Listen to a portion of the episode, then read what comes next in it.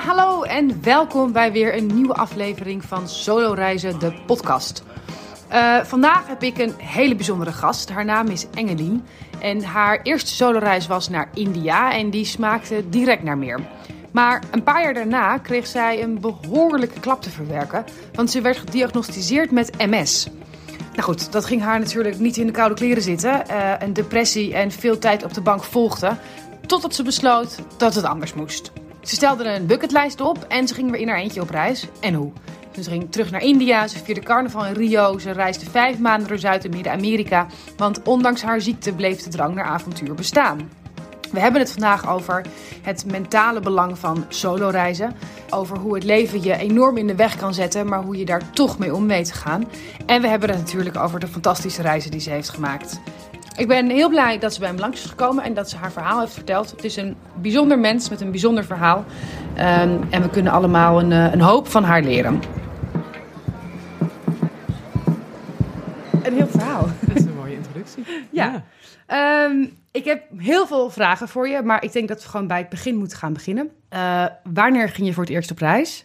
Wanneer was dat precies? En waarom had je besloten die reis naar India te maken? Ja, ik ging op reis uh, om mijn 25ste. Ik was net dat jaar weer naar de universiteit gegaan. Uh, ik ben wat later gaan studeren aan de UvA. Ja, en dan zit je natuurlijk gewoon met een goede zomervakantie uh, tussen, ja. tussen de jaren in. Um, ja, daarvoor altijd wel een beetje nagedacht, maar echt nooit op reis geweest. Altijd een beetje binnen Europa, vakantietjes, stedentrips. En India, dat trok me wel altijd, maar vooral gewoon heel erg omdat het ver weg was. Uh, totaal anders dan wat je gewend bent uh, ja. hier. Uh, en het was goedkoop. Ja, nou, dat zijn prima redenen. dus ik heb er gewoon maar een beetje gewoon gegoogeld naar vliegtickets op verschillende hoofdsteden. En ik kon gewoon heel goedkoop ook naar Bombay vliegen. En ik dacht, nou, met het budget wat ik beschikbaar heb, dan kan ik gewoon een goede week of zes, zeven wegblijven. Ja. En ja, avontuur. Ja. ja, geboekt. Je had dat ticket. Ja. En je ging. Uh -huh. Wat had je daar aan, uh, aan voorbereid? Bijzonder weinig. okay. Zeker als ik er nu op terugkijk. Ja? Ja. Ik uh, zat toen een tijd op couchsurfing. Ja. Uh, ik had daar een echtpaar gevonden, want ik vloog op, op Bombay. Die gingen me dan afhalen van het, van het vliegveld. En dan kon ik een paar dagen bij hen, bij hen logeren, John en zijn vrouw. Ja, eigenlijk daarna niks.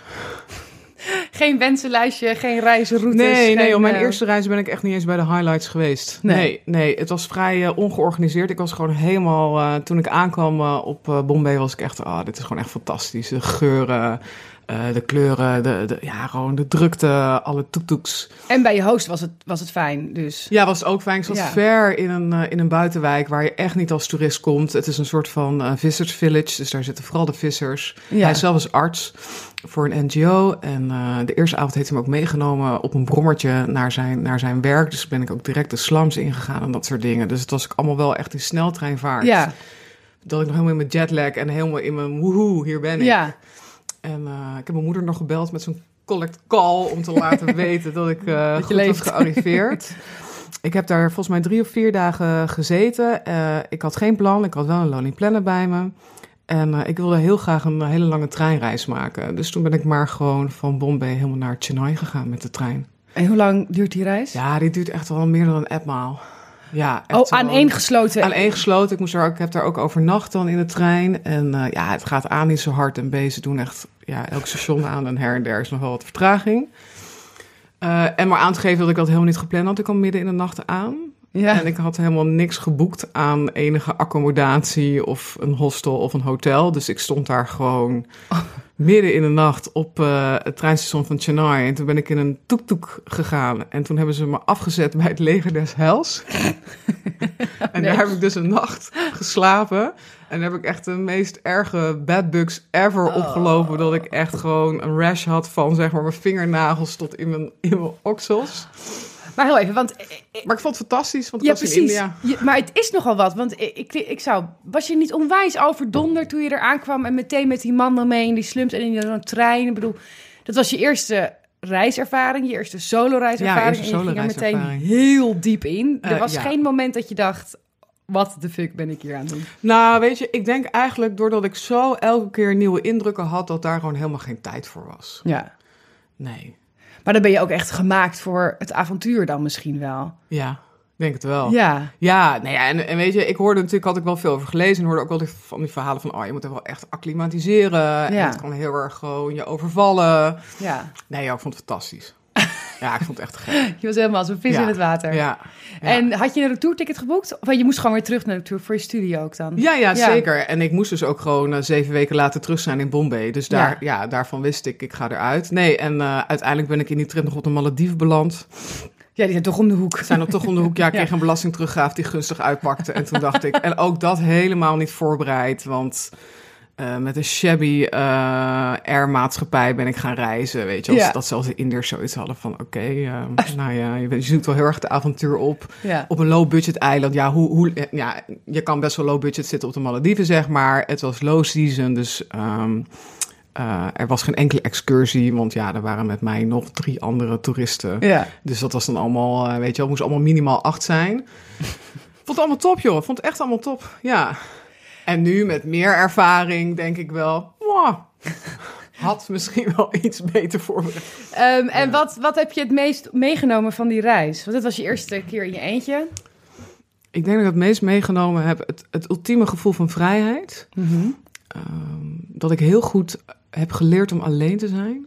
En niet Ja. zozeer eenzaam te zijn, maar wel alleen te zijn. Ehm, en dat het heel goed is voor een mens en voor mij ook dat ik een wat langere periode achter elkaar gewoon steeds gewoon zelf beslissingen ook moest nemen. En Ja. gewoon zelf mijn dingen moest regelen en gewoon Ja. dingen moest uitzoeken. En daarin ook heel erg het vertrouwen kreeg dat ik dus ook gewoon in India niet kwijtraakte. Ja. En dat ik daar dus ook gewoon op een bus terecht kwam waar ik op terecht moest komen om naar een andere plek te gaan. Terwijl ik daar natuurlijk best wel heel veel zenuwen en ook echt wel wat stress voor heb ervaren, had ik elke keer wel dat gevoel. En dat heeft me toch denk ik ook wel gewoon meer, ehm, ja, ook wel meer, dat heb ik meer ook naar Nederland genomen, zeg maar, gewoon naar de jaren daarna. Ja. Kun je, dat, kun je daar een voorbeeld van geven? Zijn er echt momenten geweest dat je dacht, oh, dit gaat niet goed komen. En dan kwam het wel goed uiteindelijk, door je eigen ja, inbreng? Ja, ik weet niet of ik echt één, één zo'n punt heb van. Uiteindelijk sluit het allemaal uiteindelijk wel op elkaar aan. Ik weet nog wel van andere reizen hoor. Ik ben, ik ben toen vijf maanden door Midden- en Zuid-Amerika gaan reizen. En toen ben ik eh, in Guatemala terechtgekomen. En eh, iedereen boekte een nachtbus. Maar ik dacht, ja, waarom zou ik een nachtbus boeken? Nou, ik wilde nog een nacht in dat plekje blijven. Had een overdagbus geboekt. En eh, ik moest toen naar de hoofdstad van Guatemala. Guatemala stad, volgens mij. Ja. Nou, in ieder geval, eh, als je met een nachtbus gaat, dan ben je daar gewoon binnen je reistijd. Ga je met een dagbus, dan kom je in traffic te zitten. En dan duurt het allemaal hartstikke lang. Dus ik had uren vertraging. En ik zou op een bepaalde plek in die stad worden afgezet. eh, bij een busstation. En daar zou ik opgehaald worden door gewoon een klein travelbusje. En dan zou ik naar mijn hostel gebracht worden. Hm. Ik werd, ehm, doordat we vier uur vertraging hadden, op een volledig ander busstation afgedropt. Ergens in een voorstad. Eh, ik spreek geen Spaans. Zijn niet heel erg Engels. Ik had een nummer nog van het reisbureautje waar ik dat geboekt had. En die, ehm, die ehm, ben naar zo'n balie gelopen. Die heb ik laten bellen naar dat nummer. Die heeft uitgelegd aan die mevrouw waar ik naartoe moest. Die heeft voor mij een taxi geregeld. Die heeft me naar dat busstation gebracht. En dat was een onooglijk busstation in echt niet een heel goed deel van Guatemala stad. Waar het vrij donker was. Nou ja, ik ben heel lang en toen was ik ook heel blond. En daar stond ik met een hele grote eh, rugtas. En daar reden alleen maar van die hele grote, ja, een soort motoren met zo'n zitje achterop waar dan van die paramilitairen op zitten. Met grote guns, helemaal ook vermomming in hun gezicht. en toen maakte ik oogcontact met een van hun en ik, ik las gewoon uit die blik zo van... Wat de fuck doe jij hier? Weet je wel? Hoezo? Hoe, echt? Ja, dus toen ben ik naar dat busstationnetje gelopen. Heb ik daar, eh, en toen heb ik echt met mezelf afgesproken van... oké, als ik nu binnen een half uur niet word opgehaald... Dan, dan laat ik me ergens gewoon inchecken in een een of ander goed hotel. En als het dan morgen daglicht is, dan check ik wel eh, wat ik ga doen. En eh, ja, nou, binnen dat half uur kwam er een eh, chauffeurtje aangerend en eh, die riep... Angel, Angel! En toen moest ik dus ook echt met hem meerennen naar dat bus toe. Nee, we mochten niet gewoon lopen, maar we moesten echt in zo'n drafje naartoe. En snel die backpacker in en in die bus en alles op slot. En toen dacht ik wel, oh ja, dit had echt heel anders kunnen aflopen. Ja, dan ben je wel Ja. echt een beetje het oog van de naald. Ja. Maar is het niet... Dit zijn natuurlijk wel de gebeurtenissen die je bijblijft. Terwijl als je in die nachtbus had gezeten... en je was gewoon in één keer aangekomen... dan had je gewoon een bus genomen. Ja, Ja. ja. En de avonturen zitten hem daarin waar het misgaat. dreigt mis te gaan. Dreigt mis te gaan. Ja, dat is een goede Ja, want ik heb erg geleerd dat het daarna, eh, en dat zal heus niet in alle gevallen zo gelden, maar heel vaak het dan toch wel weer goed komt. Of ja, je net wel die bus haalt, wel Ja. net wel in dat leuke hostel terechtkomt. Net wel ineens drie Australische jongens tegenkomt bij wie je kan aansluiten. we zijn Ja. altijd ergens Australiërs. Eh, Ja. Merkte je een verschil in wie je bent of, wie je, of hoe, je, hoe je was voor en na die eerste reis door India? Kwam je terug als een ander mens? Oeh, ik vind dat altijd wel een beetje eh, een beetje moeilijk, zeg maar. Ja. Dat je dan een soort van helemaal. eh, Ja, ik denk uiteindelijk wel dat, dat die ervaring mij wel gevormd heeft. Ja. Ehm, en ik kwam echt wel twee keer uit India ook wel een beetje helemaal zo van... ik heb helemaal niks nodig, ik kan helemaal met de basics af. En, eh, Mm. Maar, waar maakt iedereen zich druk om dat je breedbeeldtelevisie eh, vier weken Ja. te laat wordt, eh wordt Ja, maar ik bedoel meer op, op, op psychologisch Maar- niveau. Dat je, dat je inderdaad zelfstandiger bent of, of daadkrachtiger of heldhaftiger. Ja, dat. ehm,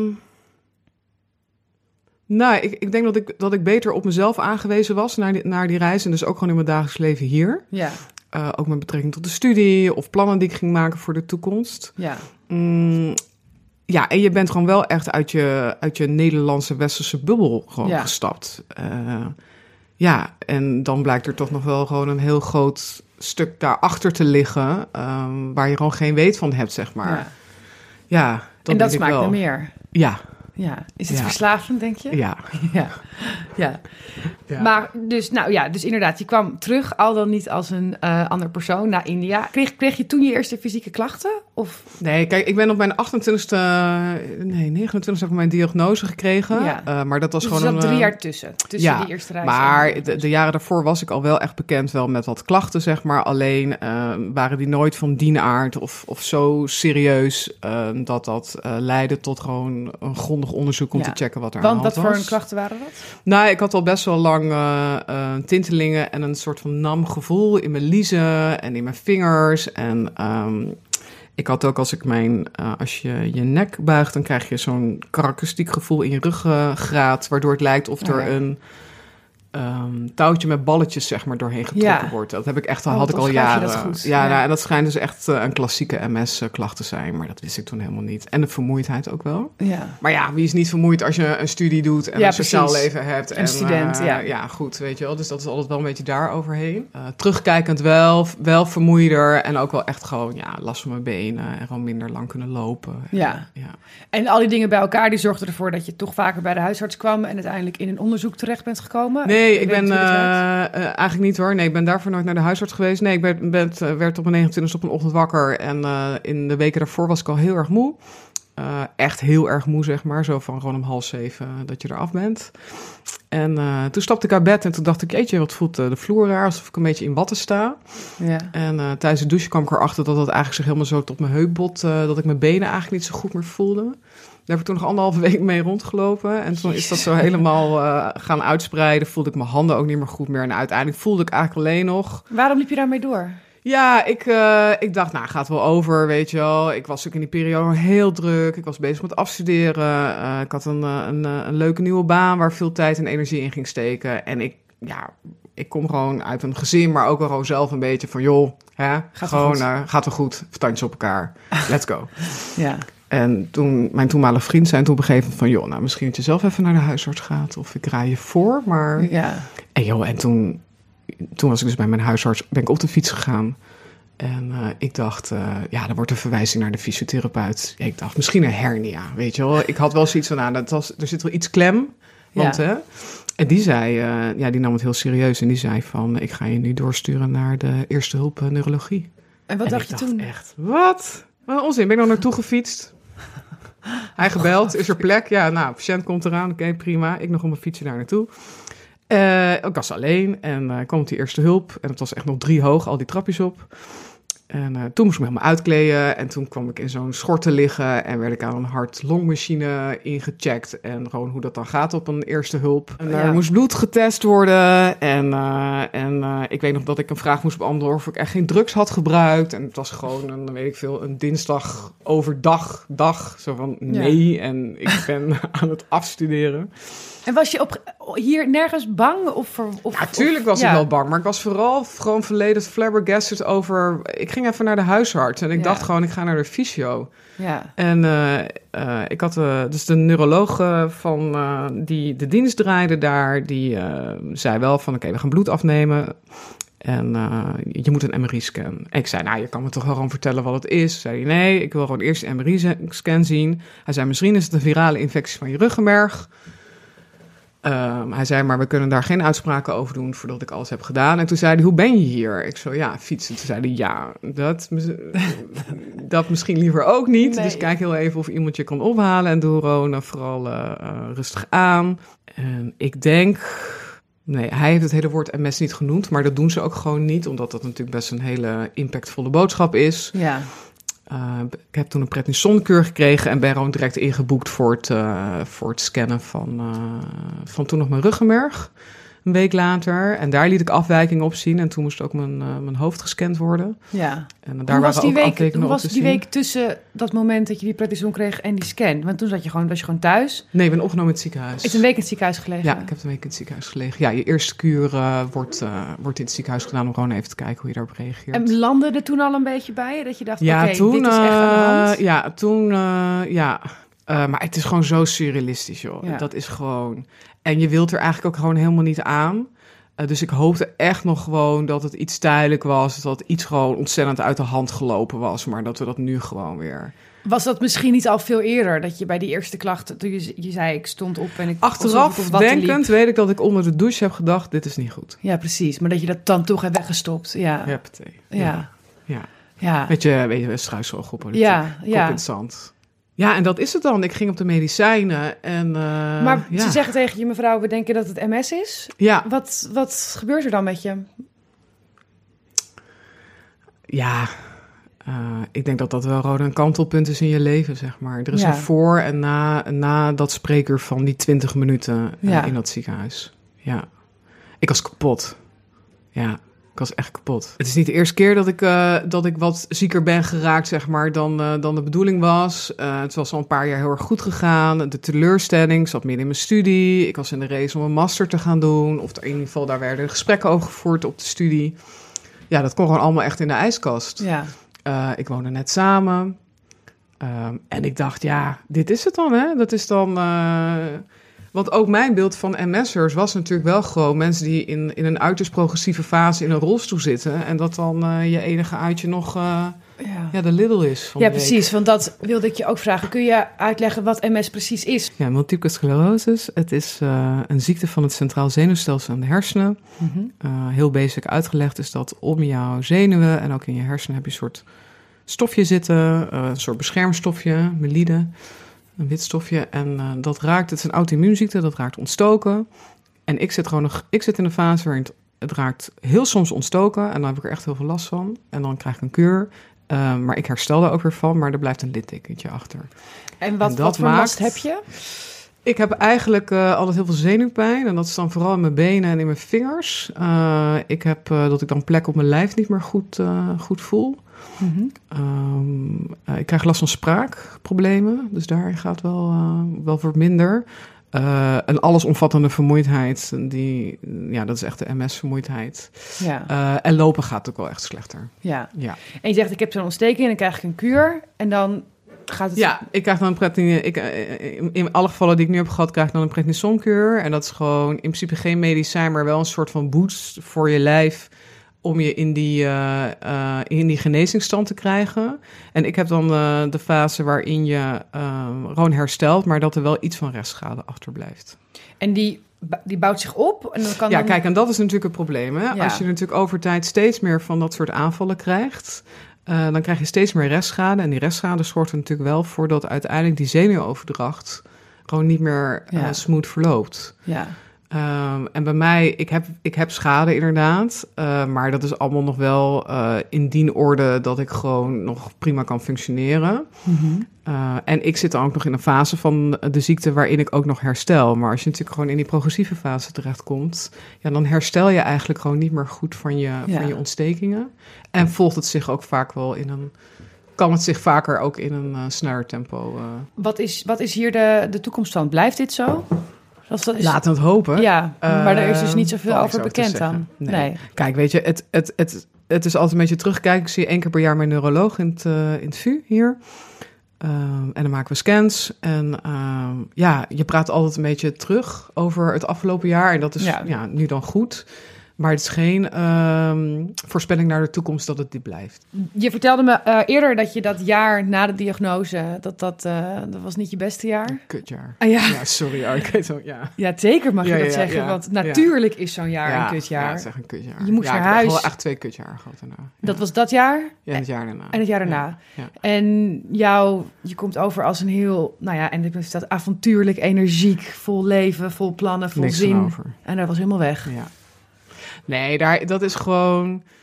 Ik heb gewoon zo'n dreun gehad van die hele diagnose.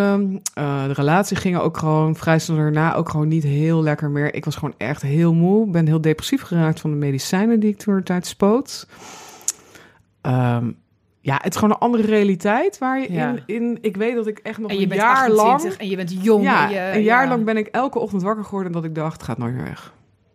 Hmm. Weet je, het gaat nooit meer weg. En um, ik heb het denk ik ook echt wel heel lang gewoon ontkend. Dat ik dacht, ja, doei. Ik heb er echt helemaal geen zin in. ja. Gewoon, just ignore it.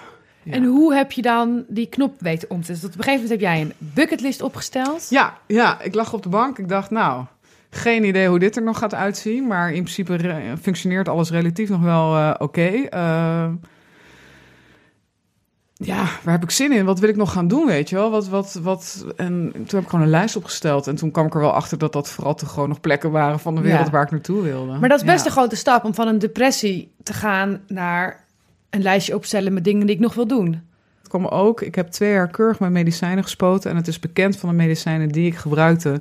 dat je een klinische depressie kan krijgen, zeg maar. Dus een depressie okay. uh, veroorzaakt door de medicijnen.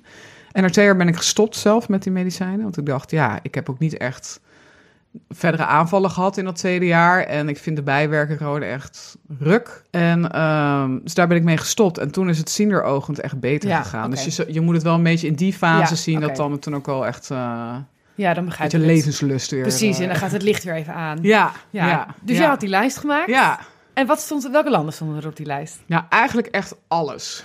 Ja, ik dacht, oké, ik moet dus sowieso nog een keer naar New York. Ik wil naar Hawaii. Ik wil nog eens naar Australië toe gaan. Ik wil heel graag naar Brazilië toe.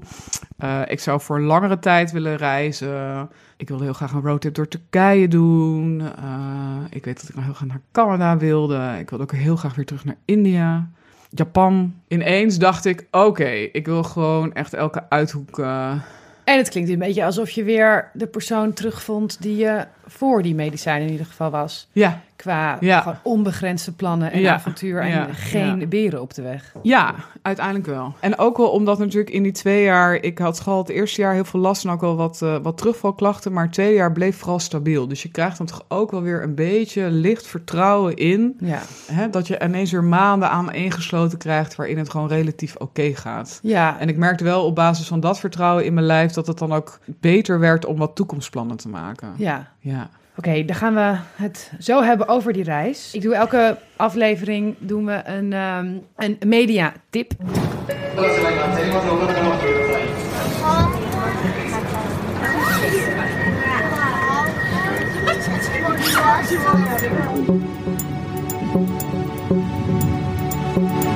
Qua podcast ehm, wil ik graag Echt Gebeurd aanraden. Ken je die? Het is een podcast van Paulien Cornelissen en Micha Wertheim. Ah. Misschien wel twee van de leukste mensen van, eh, van Nederland. en dit zijn eh waar gebeurde verhalen verteld door de mensen die ze zelf hebben meegemaakt. Mhm. Op het podium, vaak in Toemler in Amsterdam. Ehm, en dat zijn korte scènes, dus eigenlijk van een minuut of 15 tot 20, waarin mensen een verhaal vertellen. Ge klaargestoomd door Paulien en Micha, die dat natuurlijk heel goed kunnen. Ehm, en ik denk dat ik nou wel 60% van al mijn busreizen vul met verhalen oh, wow. van deze Oh, mensen. moet ik maar eens gaan luisteren dan. Ja, en ook Ja. hierop kun je eindeloos mee voort. En het zijn allemaal verschillende soort verhalen. En het is echt, nou, ik kan het enorm aanraden eh, om niet te luisteren. Oké, dan zijn we terug bij jouw bucketlist. En je reizen die je wilde gaan doen.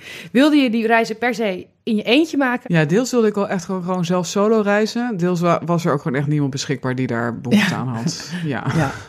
Eh, ik had toen een tijd een partner die echt helemaal, helemaal precies niks met eh, reizen, backpacken en al dat van doen had. Ja, En ehm, ik was natuurlijk toch wel al wel wat, ja, wat richting eh, eind twintig, zeg maar. Dus veel van mijn vriendinnen hadden gewoon wel echt een ander leven met gewoon gezin, kinderen. En, ja, en, en ja, graag solo en ook gewoon solo, omdat, ja. praktische overwegingen. Yep. Wat was je eerste bestemming van je... Mijn eerste bestemming was. Brazilië. Ah, en daar Ja. ging je carnaval vieren? Nee, nee, dat is Oh. later Oh, dat gebeurd. is later. Ja, dat is later gebeurd. Ja, ik ben nog een keer terug geweest. Ja, naar Brazilië inderdaad. Ja, want ik wilde heel graag naar Rio de Janeiro. Dat Ja. stond wel echt eh, hoog op de lijst. Eh, dus daar ben ik toen naartoe gegaan. Ja, voor een maand. En wat, eh, hoe voelde je je toen je in dat vliegtuig zat? En Ehm, niet heel oké, maar ik had toen heel erg vliegangst. Oh, is niet handig. Dat kan, ik ook, ik ken dit. Ja. Ja. Ja. Ja, nee, maar toch ook wel echt, eh, wel echt eh, de, de excitement, zeg maar. En eh, ja, de, dat, datzelfde gevoel, dat, dat woehoe. En Ja.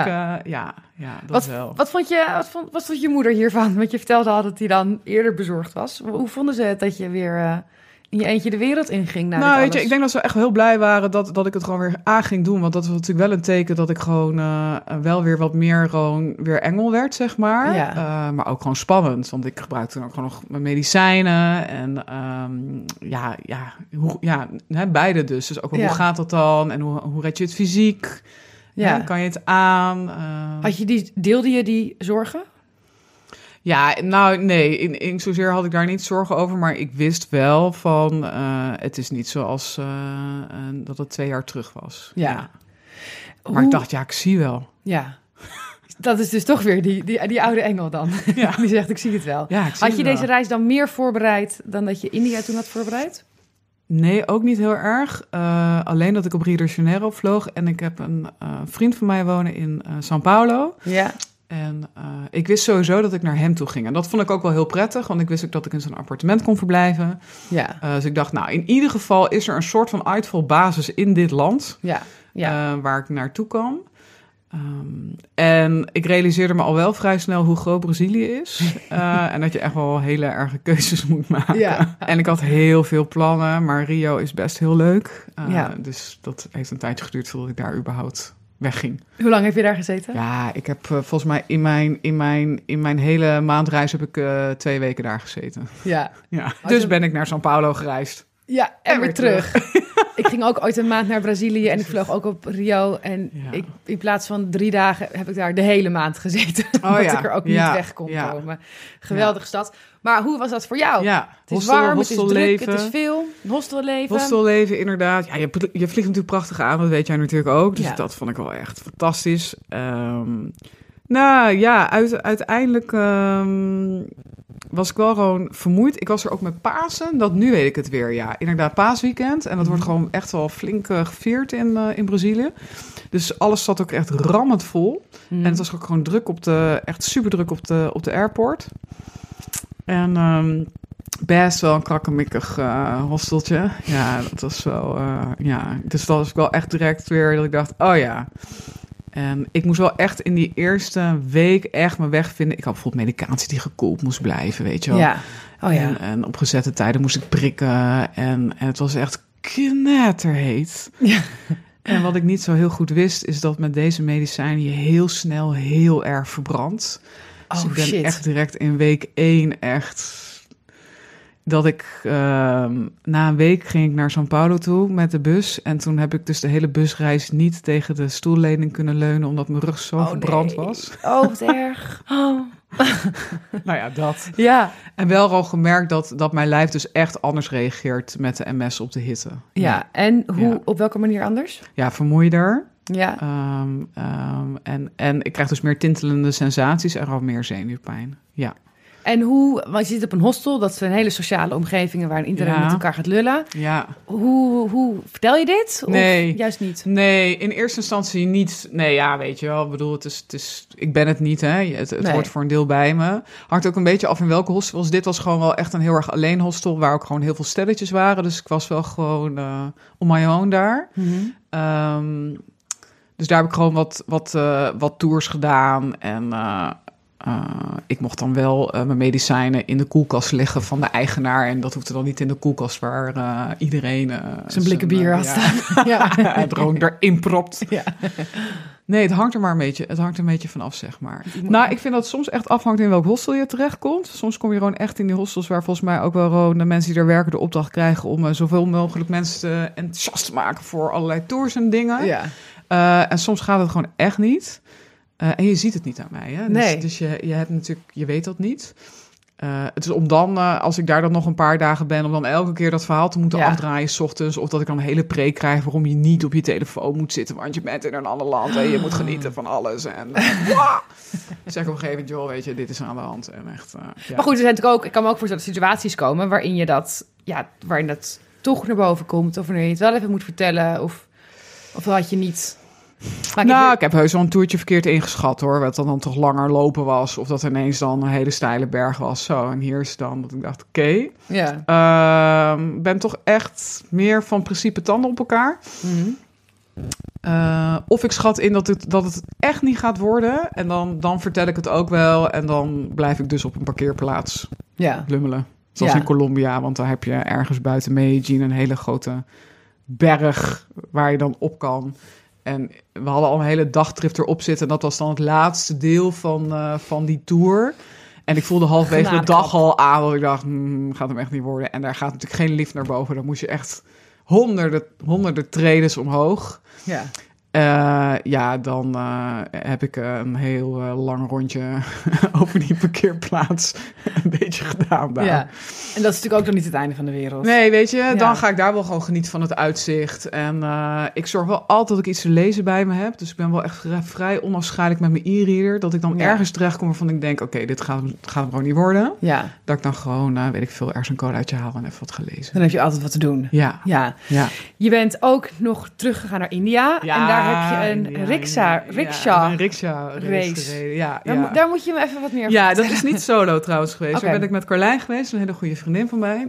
Eh, ja, die kwam daarmee op de proppen en die zei... eh, ja, jij kent India wel. eh, en ik dit, dacht, dit is echt awesome. Ook hier weer totaal niet over nagedacht. Ik kan namelijk gewoon helemaal niet motorrijden. Of ik heb ook nooit een brommer gehad, maar Nee. het heeft me niet echt tegengehouden om let's go.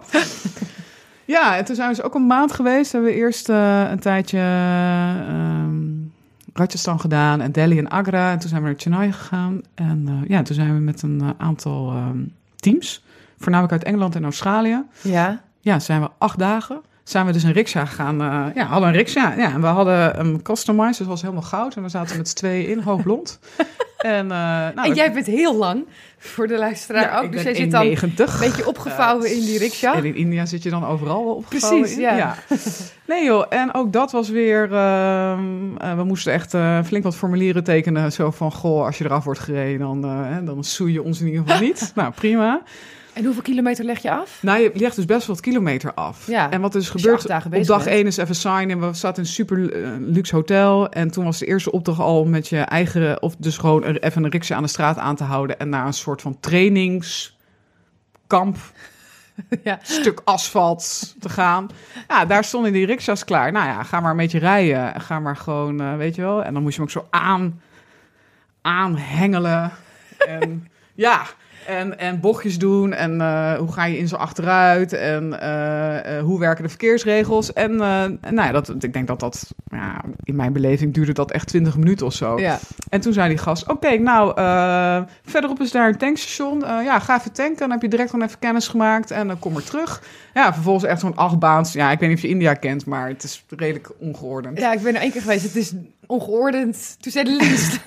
Ehm, eh, ja, eh, en toen eh wees ze tanken en toen moesten we terug. dat weet ik nog heel goed. Toen moesten we terugrijden naar het hotel vanaf daar. ja. Ehm, ja, kijk hoe je er komt. En we hadden dan wel een map mee. Ja. En eh, toen, eh, het regende heel erg hard. En je had alleen maar een ruitenwisser die je met de hand kon bedienen. en toen hebben we een, uh, hebben we een aangehouden. En toen hebben we het hotel gezegd en gezegd... Uh, rij even, ja, weet je wel, gewoon betaald, rij ons even die kant op. Zo, achter zo'n... Ja, zo en heeft, heeft, uh, heeft de eerste dagen echt alleen maar Carlijn gereden. Want ik was echt gewoon... ja, ik, dat, ik was gewoon helemaal niet handig met je had er geen talent voor. Nee, ik had helemaal geen talent voor. Dus ik was gewoon chef kaart lezen en, uh, en zorgen dat we op de juiste weg bleven zitten. En gewoon uh, armen uitsteken. Ja, precies. En, uh, weet je, want de golden regel is dat je natuurlijk in het verkeer alleen maar let op wat voor jou rijdt en achter jou rijdt. En of naast jou rijdt. En alles wat achter jou rijdt, let wel op jou. Mm -hmm. Dat is toch iets anders dan hoe je het hier leert. Gewoon met achteruitkijkspiegels en andere dingen. Ja. Maar ja, voor zover er überhaupt regels zijn te ontdekken op de Ja, nee, het was ons gewoon heel duidelijk als je, uh, je... Je bent gewoon het allerlaagste. Dus je gaat aan de kant voor alles wat gewoon groter en sneller ja. is van jou. Ongeacht of je wel qua verkeersregel daar recht op had. Ja. Nee. oh, wat geweldig. Uh, ja. En een andere bucketlist ding wat je eerder vertelde was de langere reis. En die heb je vijf maanden gedaan door Midden- en Zuid-Amerika. Ja, Midden- en Zuid-Amerika. Ja, ja, ja, bijna vijf maanden, ja. Waar ben je toen ja. heen gegaan? Ik ben uh, gestart in Mexico. Uh, en daar ben ik heel lang blijven hangen. Want je had geen plan. Dus ik had geen plan. Ik wilde wel heel graag naar Mexico toe. Ja. En ik ben toen gewoon echt op Cancún gestart. En heb daar uh, een beetje de oostkust van, van Mexico gedaan. maar ik moest daar erg acclimatiseren. Dus daar merkte ik al wel van... ik had een heel, heel hard jaar gedraaid qua werk. Heel moe. Dus ik, ik merkte daar vrij snel al wel dat ik mijn reistempo een beetje moest aanpassen. Mm -hmm. En uh, toen heb ik kerst gevierd in Belize. Ben ik zo naar beneden getrokken. Toen ben ik Guatemala ingegaan. En eigenlijk hoorde ik uh, een beetje... Ja, ik weet niet meer hoe het heet, Guatemala-stad. Dan heb je daar die vulkanen zitten daarboven. En daar hoorde ik eigenlijk iedereen kletsen over van... Als je nog tijd hebt, ga gewoon naar uh, de westkant van Mexico. Dus Oaxaca. Ja. die kant op, zeg maar, Puerto Escondido. En ik zat daar een beetje in dubio zo van, ja, zou ik nou naar El Salvador afreizen? Maar daar hoorde ik wel wat mixed verhalen over veiligheid en ook wel... Uh, het schijnt je, een van de gevaarlijkste Ja, ja, ja, sowieso, zijn, sowieso, ja. ja. Um, en, en, en ook gewoon uh, geen Spaans spreken was ook niet echt handig. Ja. Dus toen ben ik um, terug... Dus ja, Sin Cristobal Las Casas, dus ben ik echt die kant van Mexico ingegaan. En dat is zo mooi daar. En ik voelde daar zo erg, omdat ik zo de tijd had, dat ik niet op een schedule zat. Ja dat ik daar echt gewoon een soort van tot stilstand ben gekomen in het maar doorreizen. Uiteindelijk ben ik zo in Mexico blijven hangen en ben ik uh, uh, nog, ja, ook nog een tijd Guatemala gedaan. En toen ben ik uitgevlogen op Colombia. En vanuit Colombia ben ik toen naar Brazilië gevlogen. En daar heb ik mijn zus, uh, is het mij toen op mijn laatste part gaan vergezellen. Wat leuk. Ja. Wat fantastisch. En Ja. dit is ook, je bent sowieso daar wel een posterchild voor. Uh, ik zeg het ook altijd, plan je reis niet. Nee, Nee. kan niet doen. Gewoon niet doen, nee. Nee. Ik, ik lees me altijd een beetje globaal in. Zo van, nou, ik zou dit willen zien en ik, daar is iets wat ik misschien leuk vind. En ik boek dan iets voor de eerste twee of drie nachten of Ja. zo. Zodat ik ergens heen kan met mijn jetlag. Dat vind ik dan wel prettig. En verder het vooral open laten. Hoe, eh, hoe zorg jij ervoor dat je dan wel ergens komt? Soms zijn er echt wel bezienswaardigheden van ik denk, ah, daar wil ik wel echt. Ik wilde heel graag naar Tikal bijvoorbeeld, een hele grote Maya-stad in Guatemala. En daarvan wist ik wel, oké, daar wil ik naartoe. Dus, dus ik ga sowieso naar beneden reizen, want ik ben Ja. nu in Cancún, dus ik moet naar beneden. Ja, En ja, gewoon eh, een beetje in zo'n hostel aanhoren wie waar al geweest is. Ja. Eh, want er zijn natuurlijk altijd mensen die gewoon al drieënhalf jaar in dat land zitten en precies In dat weten, hostel zitten. Ja, en precies weten hoe en wat. ja. En soms ook wel gewoon een beetje convenient dat ik dan op dagen denk, ik heb niet zin om heel lang te reizen. Wat ligt hier vier uur vandaan met een busreis? Oké, Ja. nou, en dan daar naartoe. En zo zie je dus heel veel dingen waarvan je nooit gedacht had dat je zou komen. En zo mis je natuurlijk tevens ook ja. heel veel highlights. Dus weet je, het, is, dus het maakt in principe dus niet uit. Dat is Nee. meer dan uh, Wat, is, wat doet het reizen dan nu voor jou? Wat is het? Wat geeft het jou? het ultieme gevoel van vrijheid. Ja, precies. Want jij klinkt niet als, als iemand die inderdaad voor de bestemming gaat. Of wel, maar niet voor de highlights die er dan zijn. Maar hè, als, je dat niet, als je geen plannen maakt, dan ga je inderdaad een hoop missen. Maar het gesteggel met zo'n bus en het hangen in zo'n hostel is misschien ook al wel heel waardevol. Ja, ik, nou ja, ik heb tegen mezelf gezegd, ik hoef echt helemaal niks meer als ik op reis ben. Uh, Ja. Want er zitten gewoon echt wel slechte dagen tussen. En dat kan soms ineens ook gewoon een hele slechte week zijn. En breng je die dan Eh, in bed door? Of- ja, ja. Kan, best wel, kan best wel zijn. Eh, ik ben ook nog wel een notoire terugganger. Dus dat ik terugkeer naar hostels waar het heel fijn was. Omdat ik weet dat er een hele chille eh, lounge area Ja. is of zo. Of met allerlei hangmatten en dat soort dingen. Dus ik ben in de grondbeginsel altijd wel super blij dat ik ergens ben. Ja. En alles wat daarop bonust is gewoon super mooi meegenomen. ja. Eh, ja, en dan lees ik boeken en dan, weet je wel, en dan slenter ik misschien omdat ik dan voel dat mijn benen oké zijn. Even naar een supermarktje of haal Ja. ik eh, wat te drinken. Ja, En baal je daar dan van? Of nee, denk ik je... ben er echt mee gestopt. Ja. Ja. maar dat deed je eerst wel dus. Ja, sommige dagen kan je dat wel hebben. Het hangt een beetje af waar je in terecht komt, zeg maar. En soms beperkt het je natuurlijk ook wel in, in wat je wilt doen. Ja. Uh, maar ik heb wel echt geleerd om niet heel lang in dat... Het mag er zijn, weet je wel. Dus dat is ook helemaal prima. Maar dan zeg ik wel tegen mezelf... Oké, dit, dit is dan voor de ochtend. ja. Maar het heeft gewoon helemaal gewoon geen zin om daar een hele dag in te zitten. Nee, het maakt het alleen Nee. maar erger dan. Ja, Ik vind het best knap dat je eh, met toch een, eh, een ernstig chronisch verhaal zo onbevangen in het leven lijkt te staan. In ieder geval, zo Ja. kom je op mij nu over. ja. Ja, deels wel en deels niet. Maar weet je wat ook wel is als je, als je althans, en dat, dat geldt dan gewoon voor mij, zeg maar. Als je natuurlijk ineens geconfronteerd wordt met, met, met zo'n zo'n diagnose waarvan Ja. niemand geen idee heeft. Hè? Ik bedoel, ze weten niet hoe het veroorzaakt wordt. Nee. Ehm, je hebt maar mazzel dat je een ziekte hebt die relatief veel mensen eh, overkomt. Dus er, er wordt natuurlijk ontzettend veel onderzoek gedaan naar medicatie en dat soort dingen. Ja, daar, dat heeft me wel geleerd dat je heel veel plannen kan maken. En dat is ook allemaal echt niet erg. Maar dat het leven wel, hoe cliché het ook gewoon is, wel gewoon heel vaak anders loopt. Ja.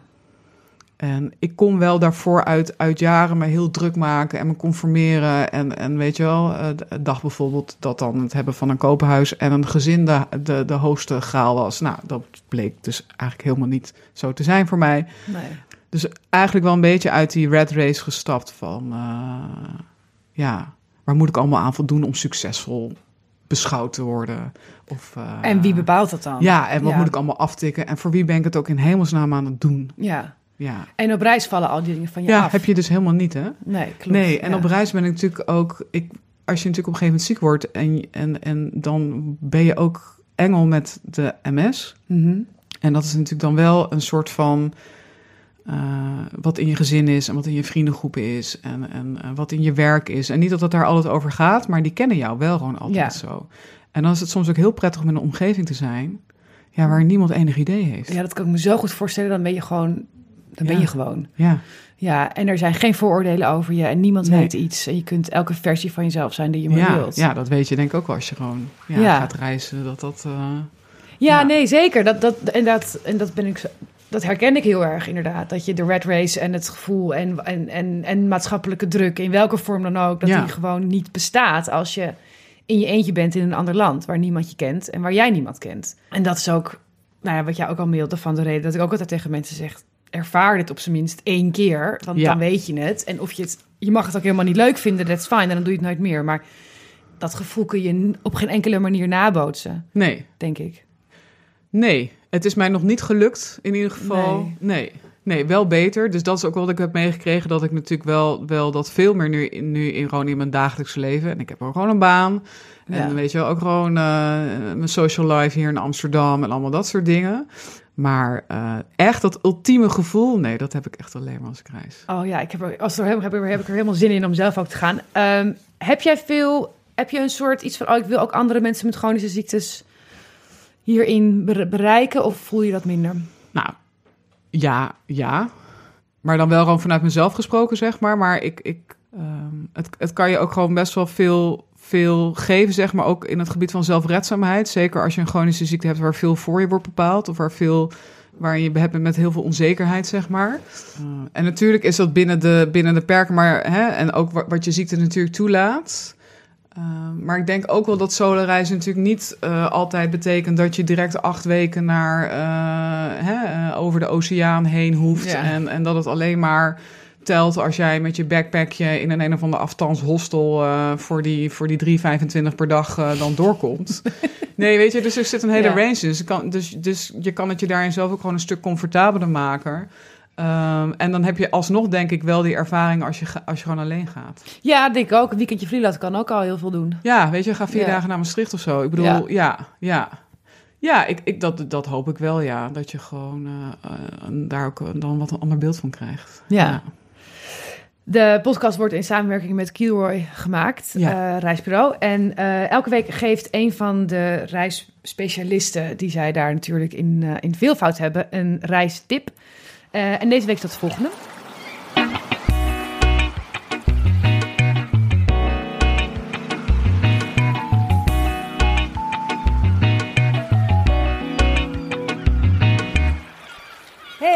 Dit is Suzanne, reisspecialist bij Gilroy.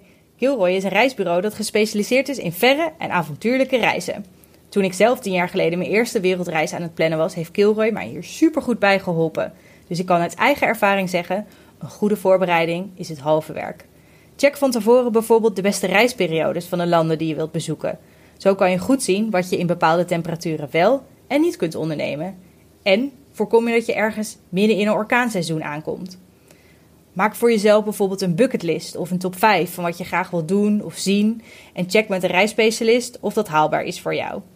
Mijn bucketlist destijds bestond uit 25 landen en dat werd even teruggebracht naar 7. Een stuk realistischer dus. Ik kan je zeker aanraden om dit even na te lopen met een ervaren reiziger. En weet je, wat nu niet lukt, dat doe je gewoon een volgende keer.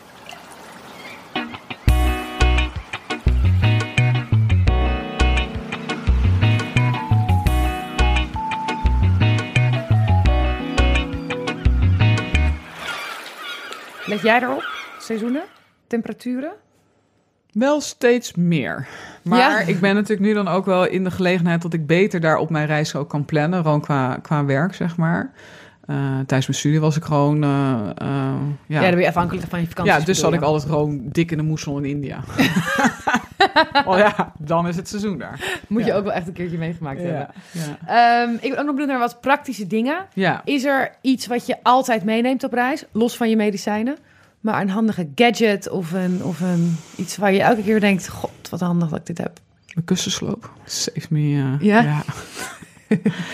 Genoeg bedbugs hiervoor In onmogelijke hostels met kussens waar je denkt... Hmm, ja. nou, Ruikt een beetje naar kost. Ja, inderdaad. Gewoon lekker je eigen... Ja. Nee, uh, ja, niet echt nieuwe dingen buiten. Uh, ik heb altijd mijn e-reader bij me. Ja. Ja. E-reader, kussensloop. Kussensloop. Zorg dat je paspoort en je, en je creditcards bij je hebt. Ja. Alles is daar te koop. Alles, Sleep niet te veel mee. Ja, neem weinig mee. Ja. ja dat zeg ik ook altijd. Ja. Heerlijk. Ja. Ach, oh, ik, de eerste keer dat ik En dat heb ik hardcore geleerd hoor. Same. Want mijn eerste reis naar India was echt, dacht ik, uh, met 17 kilo of zo. Ik weet het niet. Oh, pijn in je rug en in je alles en elke keer. En ook dingen niet gaan doen. niet gebruikt. Ja, 100 ja. ja. Helemaal eens. Ik kan het ook niet vaak genoeg zeggen. Nee, minder mee. Ik wil elke aflevering in ieder geval altijd graag afsluiten met uh, de vraag: als er nu mensen luisteren die twijfelen over hun eerste reis, wat zou je dan nog tegen ze willen zeggen? Doe het gewoon.